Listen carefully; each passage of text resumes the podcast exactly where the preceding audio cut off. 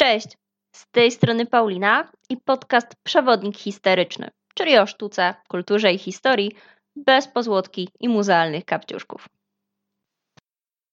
W kolejnym odcinku. Dzisiaj mam dla Was historię trochę nietypową, bo zaczynamy od zagadki. E, czy wiecie, co powstanie, kiedy zmieszamy ze sobą Greotron, Romea i Julię, Tristana i Izol Izoldę oraz odrobinkę suchych faktów?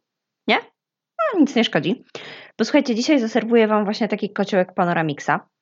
I jak Wam się wydaje, że tego typu rzeczy to u panie pewnie za granicą, no to nie, to się mylicie, bo historia pochodzi właśnie z Polski, z czasów panowania dynastii Wazów i w dodatku z rejonów dzisiejszego Podkarpacia.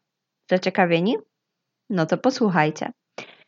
Dawno, dawno temu, no nie tak dawno, bo w XVII wieku, kiedy w Rzeczypospolitej obojga narodów na tronie zasiadał Władysław IV Waza, a w sztuce panował sobie barok wraz z wszędobylskimi, brzydkimi aniołkami między złotem, marmurem i, i czym tam się jeszcze dało. O, i małżowinowo-chrząstkowym ornamentem.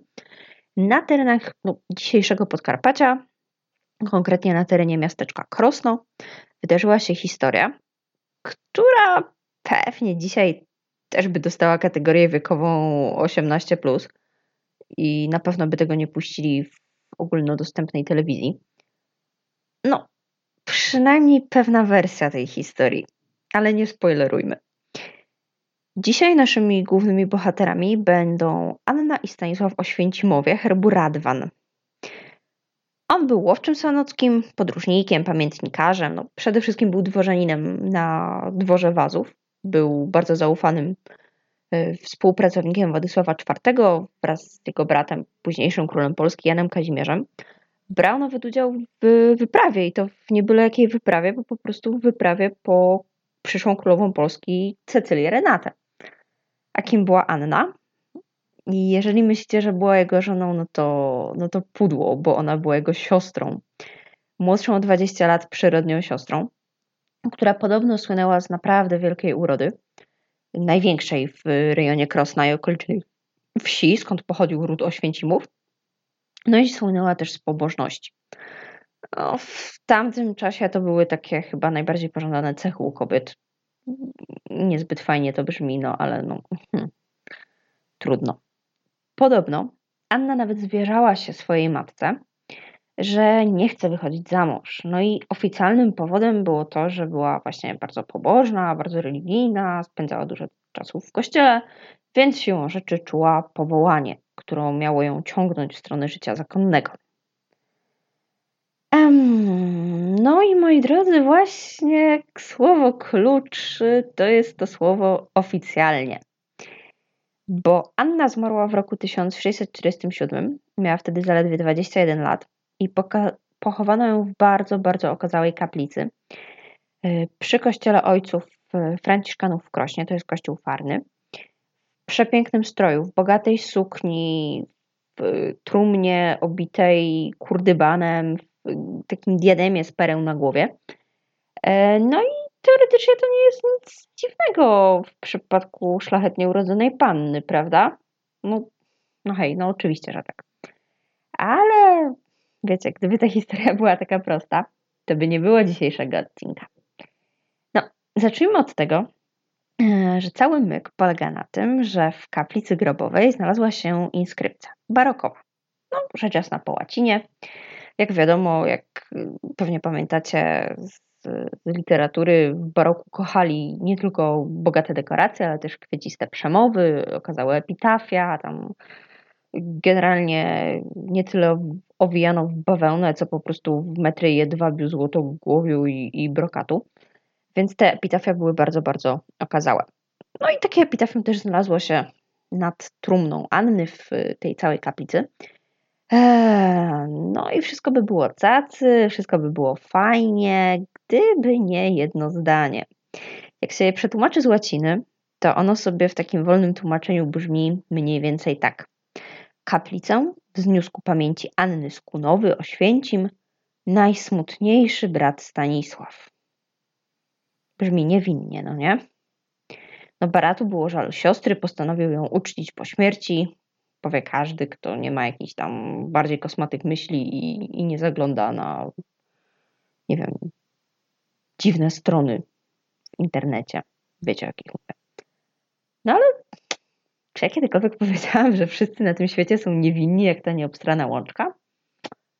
A, a na pewno nie byli tacy ludzie w XIX wieku, a konkretnie w 1812 roku, bo wtedy cała historia tak naprawdę nabiera hmm, rumieńców i tak naprawdę wtedy dopiero się zaczyna. E, kto konkretnie? No nie wiadomo kto, bo jak wiemy plotka jest anonimowa i wielu ma ojców, ale ktoś jednak, kto sobie tą kaplicę odwiedził, spojrzał na tą instrukcję, e, tfu, Boże, inskrypcję, jaką, jaką instrukcję, co ja gadam, spojrzał na tą inskrypcję no i tak, połączył sobie to i owo, dodał 2 do 2, no i wyszło mu 5. Bo wyszło mu mniej więcej hmm, ta miłość pomiędzy Anną i Stanisławem, to hmm, hmm, hmm, na pewno nie było takie uczucie, jakie łączyłoby rodzeństwo. E, no chyba, że to rodzeństwo się nazywa Jamie, Serce i Lannister. To, to wtedy tak. To wtedy jak najbardziej. Także domyślacie się już o co chodzi? No właśnie narodziła się legenda o miłości między Anną a Stanisławem. Miłości wcale nie braterskiej, tylko takiej, no, po prostu miłości. E, kazirodczej. I o tym mogli się dowiedzieć jako pierwsi czytelnicy gazety lwowskiej jeszcze w 1812 roku, bo pamiętajcie, że Krosno i te tereny właśnie dzisiejsze, Bieszczady, Podkarpacie, to w XIX wieku to podpadało wszystko pod Lwów, to wszystko była Galicja. E, no ale słuchajcie, no dobra, no pojawiła się jakaś tam e, opowiastka w gazecie, to tak jakbyśmy się dzisiaj sugerowali, nie wiem, czymś, co napisano w fakcie albo w Super Expressie. I wydawałoby się, że, że spoko, że na tym się skończy chwilowa sensacja. Ale nie!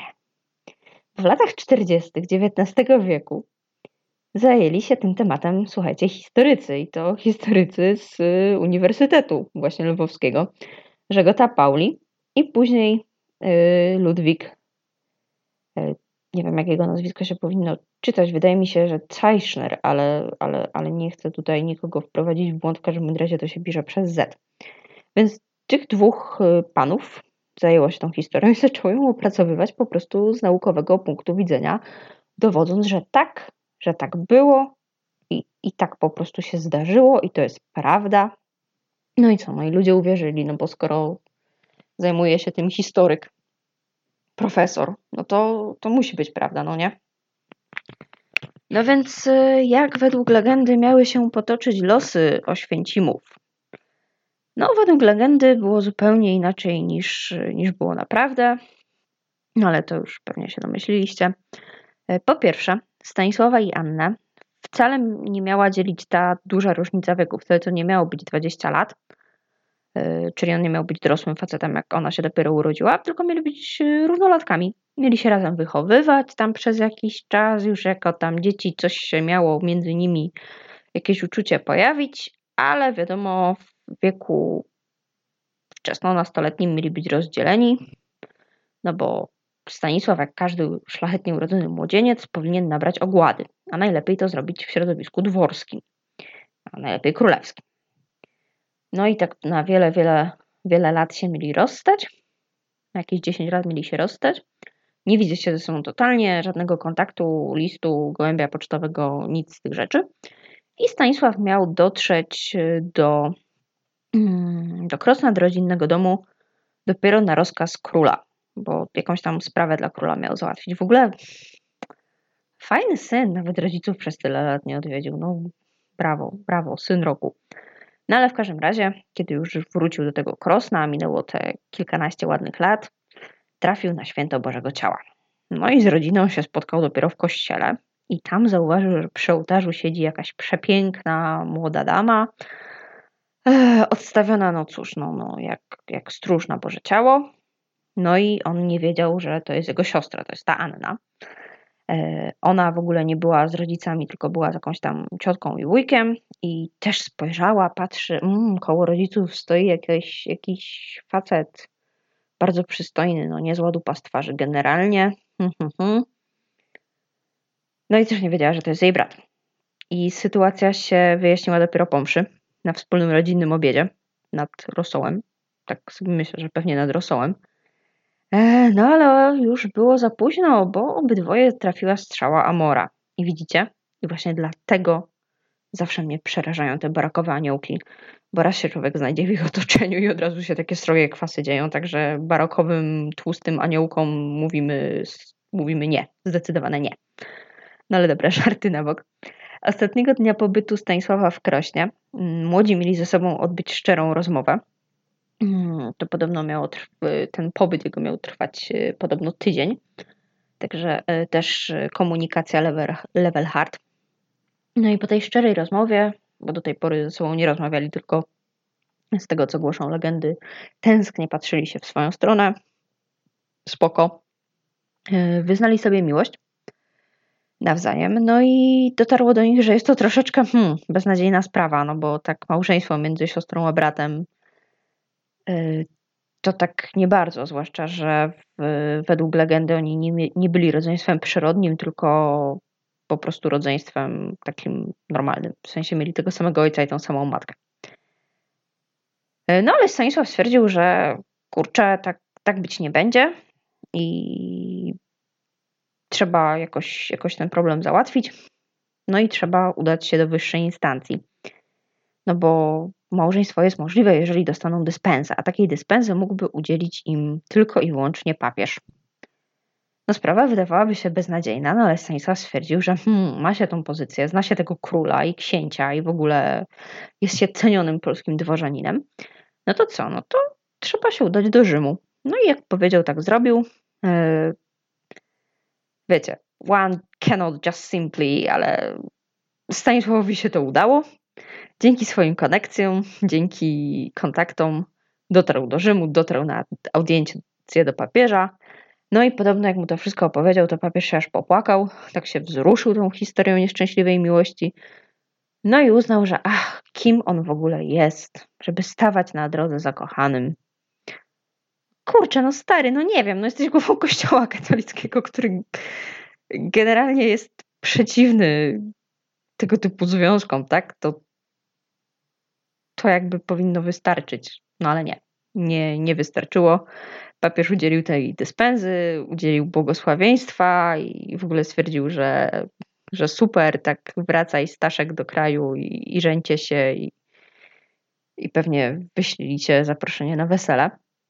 Mm, nie wiemy, czy to jakikolwiek prezent, jakiś wiecie, komplet sztućców w walizce albo kopertę z y, kuponem na totolotka.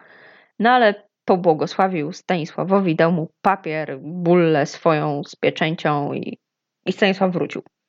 Znaczy udał się w podróż powrotną. O, no w tym czasie Anna została w rodzinnym Krośnie i podobno codziennie wiele, wiele, wiele godzin spędzała na modlitwie w kościele praktycznie od świtu do zmierzchu. No modląc się oczywiście o powodzenie misji Stanisława. Ponieważ była panienką na wydaniu, miała te 20, około 20-21 lat, no to też wiadomo, dobra partia. E, no, starali się jacyś tam inni szlachcice o jej rękę, no ale ona konkury kolejnych zalotników odrzucała. No, troszeczkę to zaczęło niepokoić rodziców. No ale rodzicom zaczęła ściemniać, że no, no to, to właściwie to by chciała zostać zakonnicą, ale to, to dopiero za chwilę, bo na, razie, bo na razie jeszcze nie czuje się gotowa wstąpić do klasztoru, ale na pewno kiedyś do niego wstąpi. No i rodzice to łyknęli. Słaby bajt, ale łyknęli. No i słuchajcie, Stanisław y, pędził z Rzymu ile sił. Wiadomo, że to też trwało troszeczkę, hmm, troszeczkę dłużej niż dzisiaj. Tanich lotów nie było, trzeba było jechać konno. I o ile do tej pory wszystkie wersje legendy brzmią dokładnie tak samo, to od tego momentu, czyli od momentu, kiedy nasz y, Stachu wraca z Rzymu, zaczynają się rozjeżdżać jak y, tramwaje po wyjeździe z zajezdni. Ale jest jedna wersja, najpopularniejsza, która mówi, że przed wyjazdem Anka i Staszek umówili się na pewien znak. No, logiczne, no nie? No, trochę jednak dość ważna sprawa pisanie listu byłoby trochę niebezpieczne, bo ktoś by to przejął i, i, i byłby kwas. Messengera wtedy nie było, więc teoretycznie no, trzeba było się jakoś inaczej porozumieć. Niby można byłoby tam wysłać jakiegoś gołębia, ale to wiecie, zbyt mainstreamowe. Zresztą kto lubi gołębia. I tym znakiem umówionym miały być konie. I Stanisław miał te konie przed sobą wypuścić. Jeżeli byłyby białe, to miało to oznaczać papieską zgodę. A jeżeli czarne, no to wiadomo, odmowę. No. Mhm. Ktoś tutaj się chyba, twórca tej legendy chyba się zaczytał za bardzo w opowieści o Tristanie i Izoldzie, bo tam było dokładnie tak samo, tylko że tam były żagle, a tutaj po prostu, żeby, nie wiem, praw autorskich nie łamać, to wymienił żagiel, żagiel na konia. E, inna wersja, wersja troszeczkę taka biedniejsza, mówi, że to Stachu nie miał wypuszczać tych koni samopas, tylko sam miał się na koniu poje, pojawić. Ale obie się zgadzają z tym, że cała istota w kolorze. W kolorze konia, w kolorze maści konia. Musiał ze sobą brać dwa różnokolorowe konie na tą wyprawę. Tak teraz się nad tym zaczęłam zastanawiać, ale mniejsza z tym. No i Anna miała wypatrywać tych koni z okna rodzinnej posiadłości z jakiejś tam wieżyczki. No ale ponieważ wiecie, no tak jak już wam powiedziałam, papież się zgodził, to te konie były białe, no ale droga z Rzymu do Krosna daleka i się konie zdążyły z deczka przykurzyć. No szczerze mówiąc to się zrobiły czarne jak wungel. No i każdy rozsądny człowiek w tym momencie by się zatrzymał i tego konia jakoś, nie wiem, umył, wyczyścił, no bo skoro się umawiasz z y, dziewczyną, że jak koń będzie ciemny, no to wiadomość jest odmowna, a ty jedziesz na koniu, który jest brudny i, i nie widać tego, że on jest biały, no to fajnie by go było umyć, tak, żeby ona na przykład, no nie wiem, nie padła trupem. No ale nie. Stanisław na to nie wpadł. No miejmy nadzieję, że mu się po prostu śpieszyło i, i nie zwrócił uwagi na taki szczegół jak kolor konia. Chociaż biały i czarny to powinien odróżnić. No ale mam nadzieję, że, że legenda zakładała taką wersję, bo to, że był po prostu takim dzbanem i, i, i nie zwrócił uwagi, czy koń jest taki, czy, czy inny, to, to, to nie chcę wierzyć. No ale generalnie konieki był, a był ciemny, każdy widział. Widziała też Anna. No jak zobaczyła, że tam jedzie ten koń ciemny z, z, chyba z proporcją Stanisława, bo on chyba miał też mieć na sobie jakiś tam propozyt czy coś takiego, no to po prostu serce jej pękło, padła trupem na miejscu i, i generalnie rzecz biorąc y, zmarła. No inna wersja legendy podaje, taka troszeczkę mniej hardkorowa, nie dla miłośników koni. Inna wersja podaje, że Anna spędzała po prostu zbyt dużo czasu w kościele. W kościele było zimno, ogrzewania nie było. Jeden przeciąg, drugi przeciąg, piąty przeciąg. No i się biedaczka przeziębiła, zachorowała na jakieś paskudztwo, prawdopodobnie na zapalenie płuc. No i kiedy Stanisław wrócił z Rzymu, to trafił prosto na jej pogrzeb. E, także też mało fajnie. Generalnie wszystkie wersje tej legendy zgadzają się z tym, że jak Stanisław wrócił, to Anna już nie żyła, a tylko się zmienia sposób, w jaki ona miała umrzeć. No więc e, obie wersje właściwie trzy wersje nawet, schodzą się ponownie, kiedy chodzi o tą reakcję Stanisława i jego dalsze losy, bo na wieść o śmierci ukochanej hmm, hmm, siostry miał się pogrążyć w rozpaczy, zdążyć wydać dyspozycję co do budowy bardzo okazałej kaplicy na jej cześć, no i sam umrzeć z żalu trzy dni później. Też mu miało pęknąć serce. E, no, trzeba przyznać, że chłop jednak do ostatniej chwili zachował zimną krew i łeb na karku i, i wiecie, tutaj już ta żałość i tutaj już czuję, że śmierć się zbliża, ale jeszcze wyda dyspozycję, jeszcze kaplicę, kaplicę wybudujcie, czy architekta ściągnie i, i dekoratora i, i w ogóle. Także no, no nie ma co, no. Twardy, twardy koleś. No dobra, tyle legendy. Jak pewnie słyszycie, to dość mocno się z niej zbijam. E, jak było naprawdę? Hmm. No tutaj sprawa już wygląda naprawdę zupełnie inaczej. I zacznijmy może od końca, no bo Anna faktycznie zmarła nagle. Nikt nie wie dlaczego. Zmarła w wieku 21 lat e, w 647 roku i faktycznie została pochowana w kaplicy, którą fundował jej brat. I to kaplica nie byle jakiej, bo na pewno ta kaplica kosztowała masę kasy, e, bo za projekt budowli Za całe jakby no, ściany i, i kopułę i, i wszystko odpowiadał jeden z nadwornych architektów dynastii Wazów. To miało się te konekcje, no nie? Czyli Vincenzo, Vincenzo Petroni, a dekoracje, czyli te wszystkie stiuki, malowidła i, i to wszystko wykonał Giovanni Battista Falconi. I to był bardzo znany sztukator. On działał m.in. w Krakowie. On tam dekorował e, chociażby Baranów Sandomierskim, dekorował kaplicę w kościele krakowskim, kościele Piotra i Pawła. I swego czasu nawet uważano, że on e, udekorował kaplicę Wazów w katedrze wawelskiej. E, dzisiaj się to przypisuje jakiemuś e, anonimowemu sztukatorowi, ale wiecie, no, artyści najwyższej klasy praktycznie, tacy, wiecie, no, górna półka, tacy, którzy dla króla pracowali, więc hmm, być może coś było na rzecz. No, raczej nie. Raczej po prostu Stanisław skorzystał z tego, że miał dojścia i, i stać go było. E, no właśnie, co z naszym Stanisławem? No, tutaj się legendy dość ślicznie rozjeżdżają z rzeczywistością, bo wcale mu się nie zmarło od razu. Wcale nie umarł z żalu po śmierci Anny, wręcz przeciwnie, pożył sobie jeszcze 10 lat, jak na tamte czasy dość sporo. No a że, tak jak wspominam, na początku był pamiętnikarzem, no to, to bardzo dokładnie opisywał swoje całe życie, to które mu pozostało. I wcale z tego pamiętnika nie wynika, żeby jakoś bardzo cierpiał po śmierci siostry. No wręcz przeciwnie. Zwiedzał sobie, jeździł po świecie, podróżował, brał udział w różnych wyprawach. No generalnie dobrze się bawił. Także w towarzystwie innych pań. Wiemy o tym, bo sam o tym napisał, sam o tym wspomniał. I faktycznie po śmierci został pochowany obok siostry. No ale hej, umówmy się, to była ta kaplica po prostu stała się mauzoleum rodzinnym. Annie zmarło się jako pierwszej, więc jako pierwszą ją pochowano. Później pochowano Stanisława, a później innych członków rodu, y, rodziców, y, kuzynostwo i, i całą, całą resztę. Zresztą no to, że brat i siostra spoczywają w jednej kaplicy, to nie jest nic dziwnego, no, zwłaszcza, że ona nie wyszła za mąż, tak? Ona zmarła jako panienka no nie wiem, w kaplicy Zygmuntowskiej też spoczywa Zygmunt August i Anna Jagielonka i jakoś tam się nikt nie dopatruje jakichś dziwnych historii, więc calm down. Generalnie Stanisław i Anna zostali pochowani w bardzo solidnych, w okutych trumnach, to takich typowych barokowych. Ale co ciekawe, pamiętajcie, to jest odcinek jednego suchych faktach. Trumna Anny ma okienko na wysokości twarzy.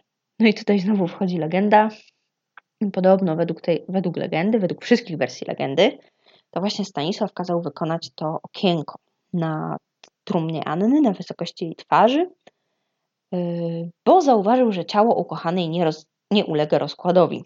No i faktycznie to jest prawda, bo szczątki Anny uległy strupieszeniu, czyli naturalnej mumifikacji. No wiecie, w krypcie jest sucho, stała temperatura, dość chłodno. No to jak pamiętacie z odcinków o, o mumiach, o suchych faktach, to, jest to są świetne warunki, żeby ciało się nie do końca rozłożyło, żeby jednak nastąpił ten proces naturalnej mumifikacji. Ale zaraz, zaraz, zaraz. Zapaliła Wam się czerwona lampka?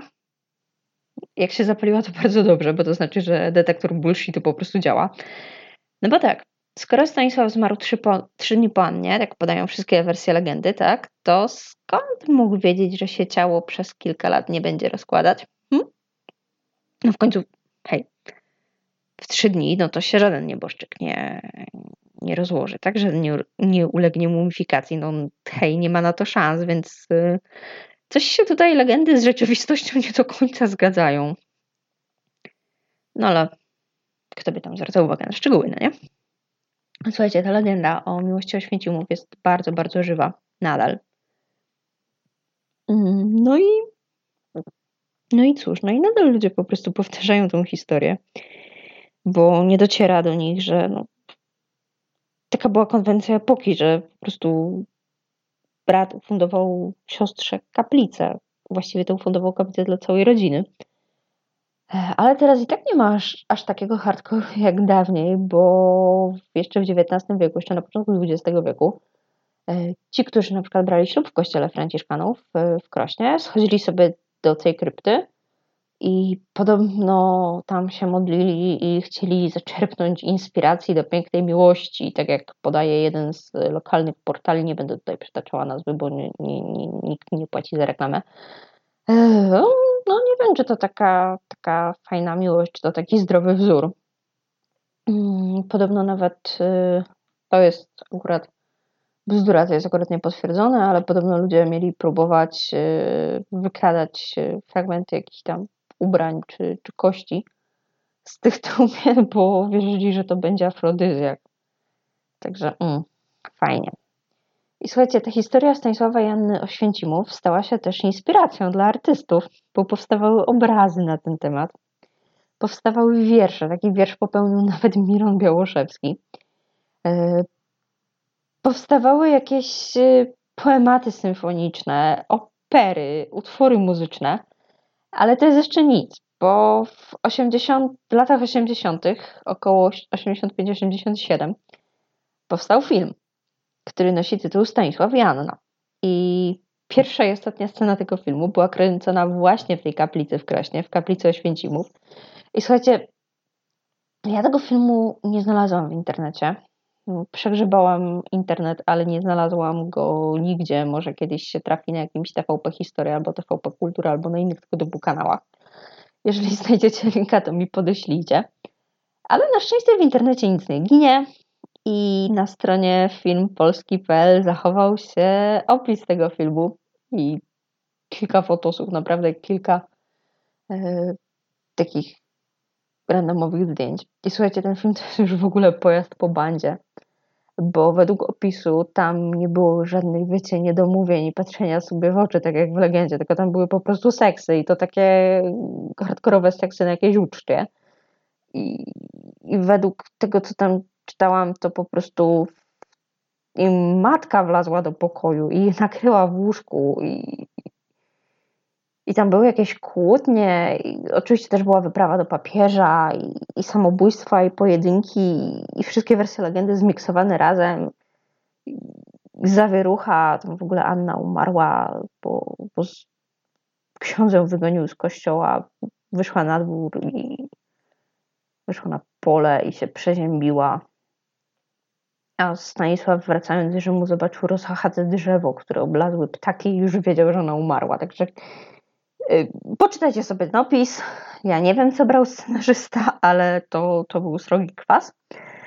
I generalnie tak, George R. R. Martin może nam buty czyścić, bo myśmy takie historie już mieli w XIX wieku. Yy, także tak, także taka historyjka dzisiaj trochę nietypowa, trochę inna, ale myślę właśnie nad tym, czy nie zacząć przybliżać jakichś takich co dziwniejszych legend yy, z terenów Polski i, i, okolic. Dajcie znać, co o tym myślicie. A na dzisiaj to tyle. Mam nadzieję, że odcinek się podobał. Miłego słuchania i do następnego. Pa, pa. Cześć.